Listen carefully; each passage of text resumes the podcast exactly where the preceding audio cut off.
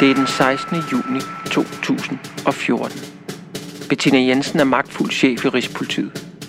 Hun er mødt op på Christiansborg for at takke regenten for, at hun er slået til ridder af Dannebro-orden. Bettina Jensen tager sort kjole på og pjusker sit lyse pagehår. Hun følges med en kollega fra Rigspolitiet. Majestætens medalje placerer hun ved sit bryst. Udenfor venter en fotograf. Bettina Jensen smiler. En lang karriere i DR og Rigspolitiet kulminerer med dronningens anerkendelse. Men hun gemmer på en hemmelighed. En hemmelighed, der kan koste flere års fængsel.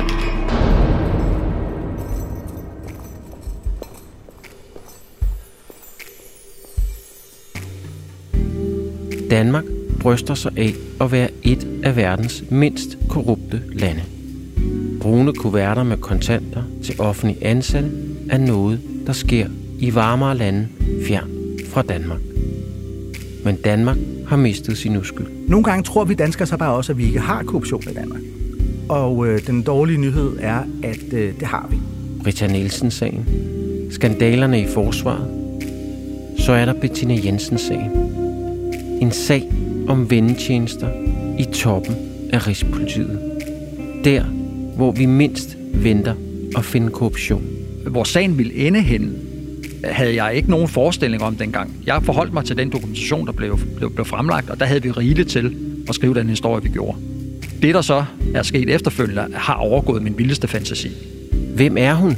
Kvinden med det pjuskede hår og det diskrete smil, som har fyldt BT spalter i snart 6 år. Hvordan kom jeg på sporet af sagen, der indeholder alt det, vi ser på film? Venskaber, fortielser, løgne og en velbevaret hemmelighed. Det her er historien om politichefens hemmelighed. En podcast af BT, skrevet og fortalt af mig, din vært, Søren Kjeldberg Ishøj, og tilrettelagt og produceret af Peter K. Nørgaard. Afsnit 1. Tippet. Det er den 4. januar 2011. Bettina Jensen ankommer til polititorvet i sin lille bil. Det er hendes første arbejdsdag. Hun går gennem porten og security-tjekket med rang ryg. Hun har med stor succes arbejdet som indkøbschef i DR og sikret mediet store besparelser i forbindelse med en privatisering af rengøringen. Rigspolitiet står over for en lignende hestekur. Der skal spares 260 millioner kroner. Bettina Jensen er headhunted til opgaven. Bettina Jensen er 44 år, har ingen børn og er uddannet kant mærk fra CBS. Hun har gjort karriere inden for DR, hvor hun har haft flere chefstillinger. Hun beskrives som en stor arbejdshest. En, der får tingene til at ske. Hendes titel er chef for koncernservice. Hun skal stå for politiets indkøb. Der går ikke lang tid, før hun sender en mail til sin økonomidirektør. I mailen skriver hun, Jeg har arbejdet sammen med en konsulent tidligere, som er fænomenal til at teste. Og hende vil jeg gerne bruge igen. Hun får go fra sin økonomidirektør. Præcis fem år senere i januar 2016 sidder jeg og læser mailen.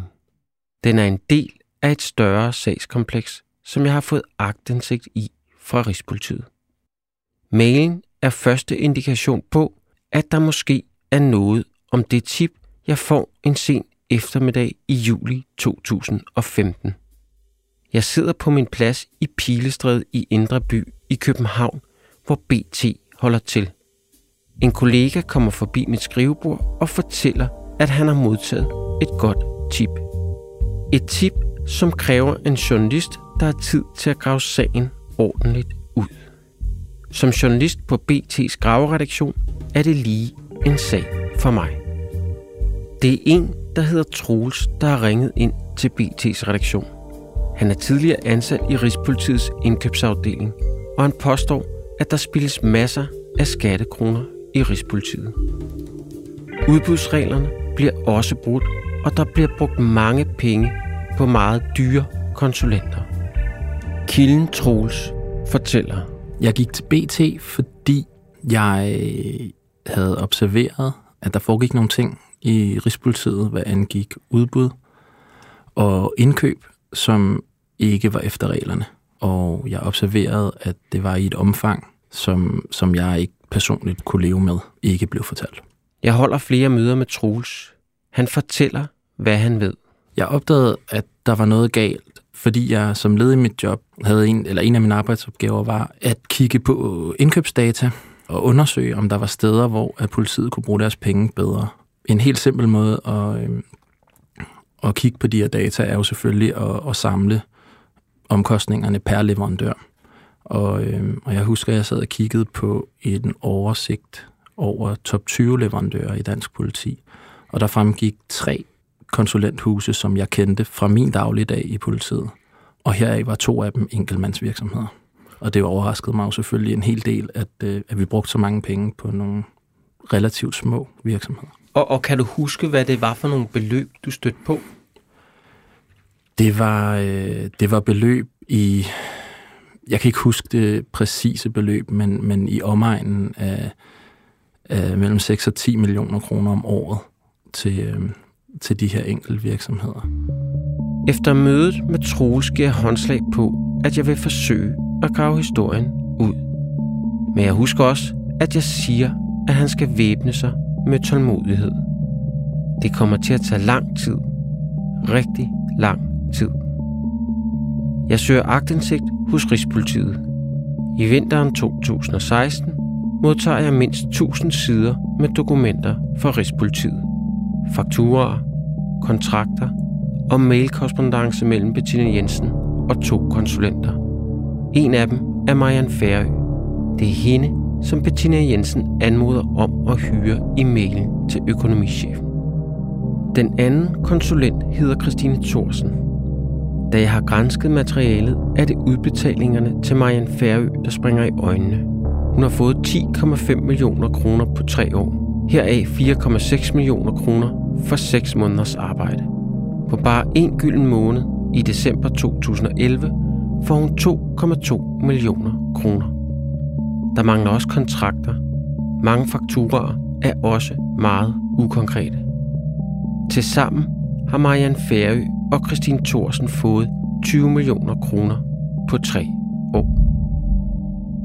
Spørgsmålet er, har de fået overbetaling? Kender de hinanden?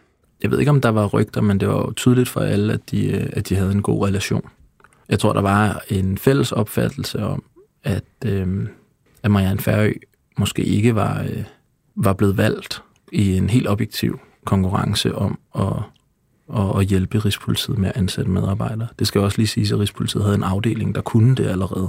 Så der var nok mere en skepsis over, at øh, nogen, man var så tæt med, i hvert fald virkede til at være så tæt til, også fik en opgave i politiet, som politiet egentlig godt selv kunne løse.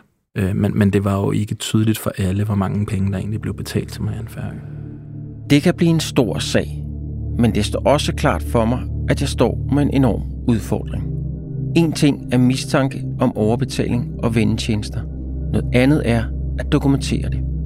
Jeg har ikke fundet en rygende pistol, som sort på hvidt afslører, at der er tale om vendetjenester. Derfor ringer jeg i maj 2016 Marianne Færø op med et mål for øje. At få hende til at sætte ord på, hvor godt hun egentlig kender Bettina Jensen. Hvis jeg er heldig, taler hun over sig. Ja, det er Søren Ishøj fra Dagbladet BT. Undskyld, hvad siger du der? Det er Søren Ishøj fra Dagbladet BT. Ja, hej. Hej, jeg er journalist. Ja, det kan jeg næsten regne Ja, ja, jeg kan også. Hvad hedder det? Ja, men jeg, jeg ringer til dig. Du, du er nok viden om, at jeg har søgt nogle agtindsigter hos Rigspolitiet. Det tror jeg, de informerer Øh, jer jeg om. Ved, jeg, jeg ved, der er nogen, der har søgt. Jeg vidste faktisk ikke, hvem det er. Nej, Jeg okay. ikke, det er, Men det ved jeg så nu. Okay, yes, jeg det, lige, det er må mig. jeg lige, jeg lige markere? Jeg ved ikke, om du kan høre, jeg kører. Øh, Okay, men det kan være, hvis det er, at du skal køre ind til siden, eller... Jeg ved ikke, hvornår du er fremme ved din Ja, jeg- destination. jeg vil nemlig køre ind, ind til siden, hvad, jeg tror godt, jeg kan holde her. Okay, er fint. Det er okay. Super. Ja, Du har jo så kendt Bettina så mange meget betydende personlig relation for, at du sådan ligesom kom fik opgaver af Rigspolitiet, da hun flyttede over til Rigspolitiet? Og blev afdelingschef? Altså, det var jo hende, det var jo hende der spurgte, om jeg kunne løse en mm. opgave øh, til at starte med. Men, men så kom der jo andre på banen hen ad vejen. Mm. Altså andre af øh, de der forskellige centre. Mm. Og der var det jo dem, der spurgte, om jeg kunne gøre sådan og sådan og sådan, mm. og hvad det ikke var, og hvad det kostede, mm. og øh, hvad ved jeg. Mm. Så altså, jeg var da formentlig ikke kommet ind i Rigspolitiet mm. ellers. Nej. Det tror jeg ikke. Nej. Jeg tror heller ikke, jeg havde gjort forsøget. Nej, nej, du, nej. Du havde nok ikke vidst, at der var den slags opgave i Rigspolitiet. Jeg, havde, nej, jeg, jeg har jo ikke nogen anelse om, at de omorganiserede hele, hele, hele polititoget. Færø bekræfter altså, at det var på grund af Bettina Jensen, at hun fik opgaver i Rigspolitiet. Det er vigtigt for min historie. Men jeg får ikke bekræftet, at de har et venindeforhold. Færø holder fast i, at det er en professionel relation. Hun fortæller også, at der var andre fra Rigspolitiet, der hyrede hende som konsulent. Underforstået, at det ikke kun er Bettina Jensen, der har købt ydelser af hende. Det rammer lige ned i en tvivl, der nærer mig. Bettina Jensen er ansvarlig for mange store regninger og står på de fleste store kontrakter, men ikke alle. Tanken strejfer mig. Kan Bettina Jensen alene gøres ansvarlig for millionhonorarerne, eller leverer Færø bare dygtig og kompetent konsulentrådgivning, som Rigspolitiet sætter pris på? Derfor forsøger jeg i juni 2016 at få Rigspolitiets økonomidirektør Nikolaj Veje til at forholde sig til min dokumentation for vendetjenester.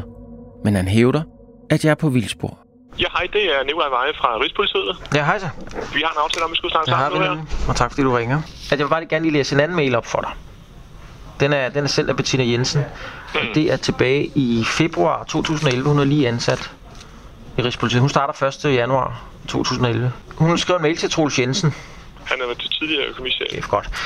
Kan du, altså Troels Jensen, hjælpe mig, så jeg har råd til at teste ordentligt i denne proces, så jeg får ansat den rigtige kandidat? Jeg har arbejdet sammen med en konsulent tidligere, Marianne Færø, som er fænomenal til at teste, og hende vil jeg gerne bruge igen. Prisen er afhængig af, hvor mange kandidater vi skal teste. Men umiddelbart vil jeg tro, at det koster ca. 90.000 kroner, skriver hun i mailen til ham, Troels Jensen. Han giver sig efterfølgende grønt lys til, at hun kan bruge hende, af- øh, undskyld, Marianne Færø, som konsulent. Så bliver hun hyret, og så er det så, vi har snakket om, at hun tjener de der 4,7 millioner på bare et halvt år. Det er jo helt tydeligt, at hun skriver, jeg har arbejdet sammen med en konsulent tidligere, det er Marianne Færø, som er fænomenal til at teste, og hende vil jeg gerne bruge igen. Det er den personlige relation, der går ind der og afgør åbenbart, hvem det er, man det hyrer. er en faglig relation, og det vil sige, det, det, det synes jeg, igen synes jeg, det er vigtigt, fordi altså Bettina har, i den tid, hun har været i, Mm. i Rigspolitiet, har hun aldrig lagt skjul på, at, at, at, at, at, hun også har brugt konsulenter, som hun har brugt tidligere. Hun har været ansat i Danmarks Radio, tror jeg, i 15 år, og har, har, har brugt konsulenter der også, og har haft god erfaring med det. Så det, som udgangspunkt synes jeg ikke, der er noget som helst problem i at sige, at man har, gode foregående erfaringer med at bruge nogle konsulenter. Men når så hun ender med at få øh, er det 10,6 millioner på tre år, og man så ved nu, at øh, jamen, det er fordi, de kender hinanden, så, så kan man kalde relationen en, en Det kan- det er- En professionel det jo relation. Det er jo ikke- det er jo ikke- på grund af, at de kender hinanden. Altså, jeg, ved, jeg, tror, at de kender ikke hinanden personligt, hvis man er det, som, som Mm. venner. De har en professionel relation, og derfor synes jeg ikke, det er ikke det, der er det afgørende. Mm. Det afgørende er sådan set at vurdere, om, om udbudsreglerne har været overholdt, og om vi har ageret økonomisk forsvarligt. Og der er, ikke, der, er ikke, der er ikke noget, som jeg er blevet oplyst, der gør mig bekymret over, om vi har ageret økonomisk forsvarligt. Der er heller ikke foregået overbetaling, påstår Nikolaj Veje. Jeg kan, det, det, jeg kan sige til det, det er, at jeg, jeg har ikke nogen viden om i hvert fald, at det ikke skulle være fuldt fagligt velbegrundet, de opgaver, som vi har betalt, der er blevet der er løst fra Rigspolitiet. Det jeg også har fået at vide omkring det her, det er, at i betydelig omfang, jeg kender ikke beløbets størrelse, der er det her noget, der er gået Jamen, du må stole på, at jeg, du må stole på det, jeg siger. men det jeg siger 4,7 millioner på et halvt år. Ja. Kan du det- stå inden for det? Jo, det, og det, er, altså det, det, det beløb, du nævner der, det er, det er omsætningen, og det, jeg har fået, det, jeg har fået meldinger om, det er, at der også i betydelig omfang har været øh, underleverandører øh, i forbindelse med det her, hvor, hvor, hvor det blandt andet også har handlet omkring seminarer og så videre, hvor, hvor det er blevet faktureret igennem Marianne Færøs virksomhed, men hvor det ikke har været, i sidste ende har været profit på bundlinjen, hvis det er det, du søger. Dokumentationen for vendetjenester er tvivlsom. Men Rigspolitiet har et andet problem. Alle konsulentopgaver til mere end 1 million kroner skal i udbud.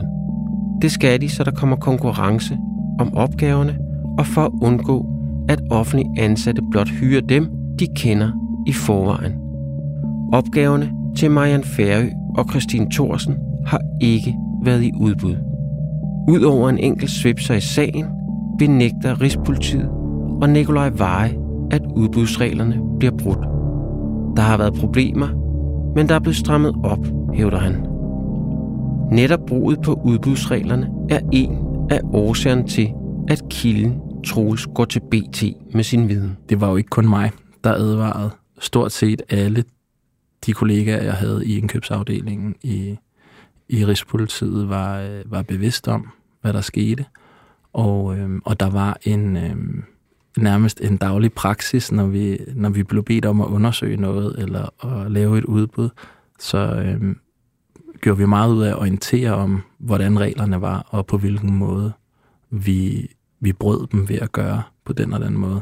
Der var mange, der refererede til, at de altid havde pengeskabsnotater liggende, så hvis der en dag kom nogen og kiggede, så kunne de sige, jeg har i hvert fald sagt, hvad der er det rigtige at gøre her. Og, og hvordan skal pengeskabsnotater forstås i den sammenhæng? Men det skal vel forstås som, at øh, det er en form for forsikring til, at hvis der en dag skal placeres et ansvar, så kan man sige, jamen, jeg gjorde opmærksom på, at det her ikke var efter reglerne, og øh, jeg har selvfølgelig ikke andre muligheder end at gøre, hvad min chef siger. Rigspolitiet afviser, at der er noget at komme efter. Tvivlen i sagen følger mig, og i perioder er jeg usikker på, om der overhovedet er en historie. Jeg har en tæt dialog med min daværende chefredaktør på BT, Karl Erik Storgård, der på et møde gør min tvivl til skamme. Jeg var jo chefredaktør øh, på BT, da du begyndte at grave i sagen. Du øh, orienterede mig undervejs. Så husker jeg, at øh, du kom ind en dag øh, og sagde, at du gerne ville have et møde, øh, fordi at du troede, at du var et sted, hvor at øh, vi skulle tage en beslutning, om du skulle grave videre, eller om vi skulle øh, gå direkte efter, at øh, nu skulle det publiceres. Og jeg kan huske, at vi øh, kiggede på din, øh, din dokumentation, og der var nogle ting, sådan som jeg husker det, at vi blev enige om, at øh, her skulle man grave lidt videre. Men, men substansen, øh, efter mine bedste begreber, var soleklar, at der var foregået eventuelle lovbrud i øh, toppen af Rigspolitiet. Og øh, jeg så perspektiverne i en historie, som var øh, meget alvorlig. Jeg så en historie om, at her var der en myndighed, som jo egentlig har til opgave at holde øje med, at øh, borgere opfører sig ordentligt og overholder loven, som muligvis selv havde brudt loven. Så det var en meget klokkeklar øh, historie, og en vigtig historie at få skrevet. Og jeg synes, øh, at den dokumentation, du kom med, var, var klar nok. Øh, der var så også nogle ting, som skulle efterprøves. Øh, der skulle nogle kilder på. Øh, og det kom der, og så synes jeg, at vi var klar til publicering. Lørdag den 25. juni 2016 er der deadline på historien. En time før deadline sætter jeg det sidste komma. Seks sider i papiravisen med hele sagen rullet ud med overskriften Det ligner vendetjenester og korruption. Jeg krydser fingre, selvom det kan diskuteres, om der er dokumentation for vendetjenester, får den fuld gas på forsiden. Politichef afsløret. Forgyldte venner med 20 millioner kroner. Nu er der ingen vej tilbage. Tidligere chefredaktør på BT, Karl Erik Storgård, fortæller. Jeg kan huske, at inden at vi øh, trykkede på knappen, så havde vi en diskussion om, hvorvidt den her historie den ville få noget gennemslag. Det tvivlede jeg sådan set ikke på, at den ville få. Øh, jeg tror, at grunden til, at den fik flyvehøjde, var, at der var tale om misbrug af offentlige penge. Det er ikke noget, danskere kan lide. Vi betaler meget skat, og øh, når vi hører historier om øh, betroede øh, chefer i det offentlige, som ikke øh, bruger vores penge efter hensigten, men bryder love og regler, så, øh, så er det noget, danskere ikke bryder sig om. Og øh, det er jo det, i bund og grund, den her historie handler om. Og så er der jo det ekstra lag i den, det er, at det her har foregået i Rigspolitiet. I den enhed, den instans i vores samfund, hvor vi mest af alt forventer, at man øh, har orden i sine sager. Hvad jeg ikke ved er, at jeg har lagt kimen til en sag, som vil martre Rigspolitiet i overvis. Indtil nu kender kun to personer sagens reelle omfang. Det er deres hemmelighed. Politichefens hemmelighed. Du har lyttet til en BT-podcast. Vi har bedt Bettina Jensen, Marianne Færø og Christine Thorsen om at kommentere sagen. Det har de ikke ønsket. Bettina Jensen oplyser dog gennem sin advokat, at hun nægter sig skyldig. Tidligere økonomidirektør i Rigspolitiet Nikolaj Veje skriver i et svar til BT. Citat. Jeg har i hele sagen svaret BT og andre i overensstemmelse med den information, jeg på det tidspunkt har haft omkring sagen. Det gælder også i forbindelse med det indledende interview i juni 2016.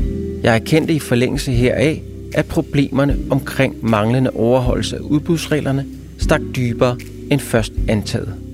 Det er jo mig selv sagt grænseløst, og kunne jeg selv have gjort noget for at forhindre det, skal jeg være den første til at beklage det.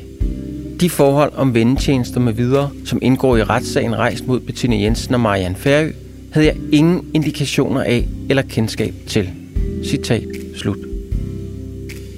Lyt med i afsnit 2, hvor et anonymt brev viser sig at gemme på en ubehagelig sandhed.